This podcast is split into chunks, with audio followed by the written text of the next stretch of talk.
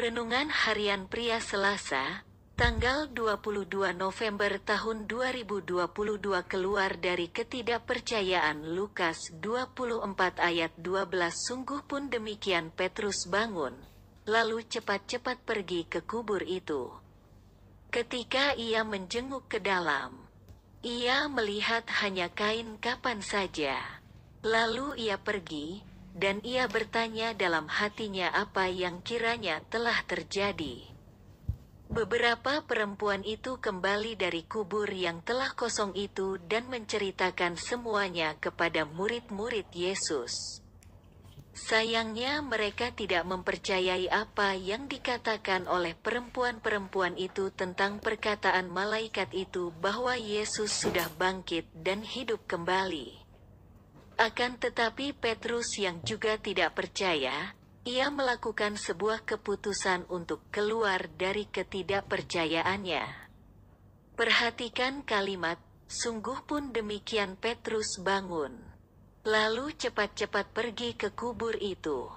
Petrus keluar dari seorang pengecut ingat, ia pernah menyangkal Yesus kepada seorang batu karang bagi Tuhan. Ada banyak hal yang dapat membuat kita menjadi ragu-ragu dan tidak percaya kepada perkataan Yesus, yaitu firman-Nya.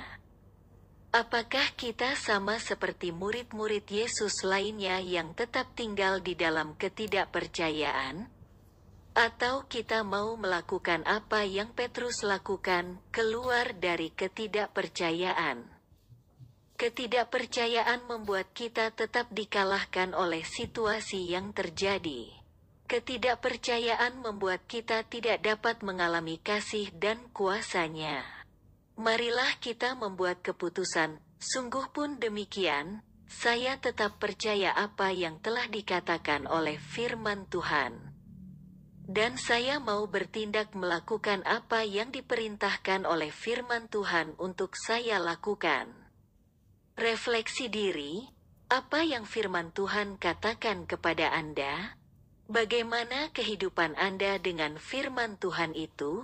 Catat komitmen Anda terhadap firman Tuhan itu. Doakan komitmen Anda itu, pengakuan iman.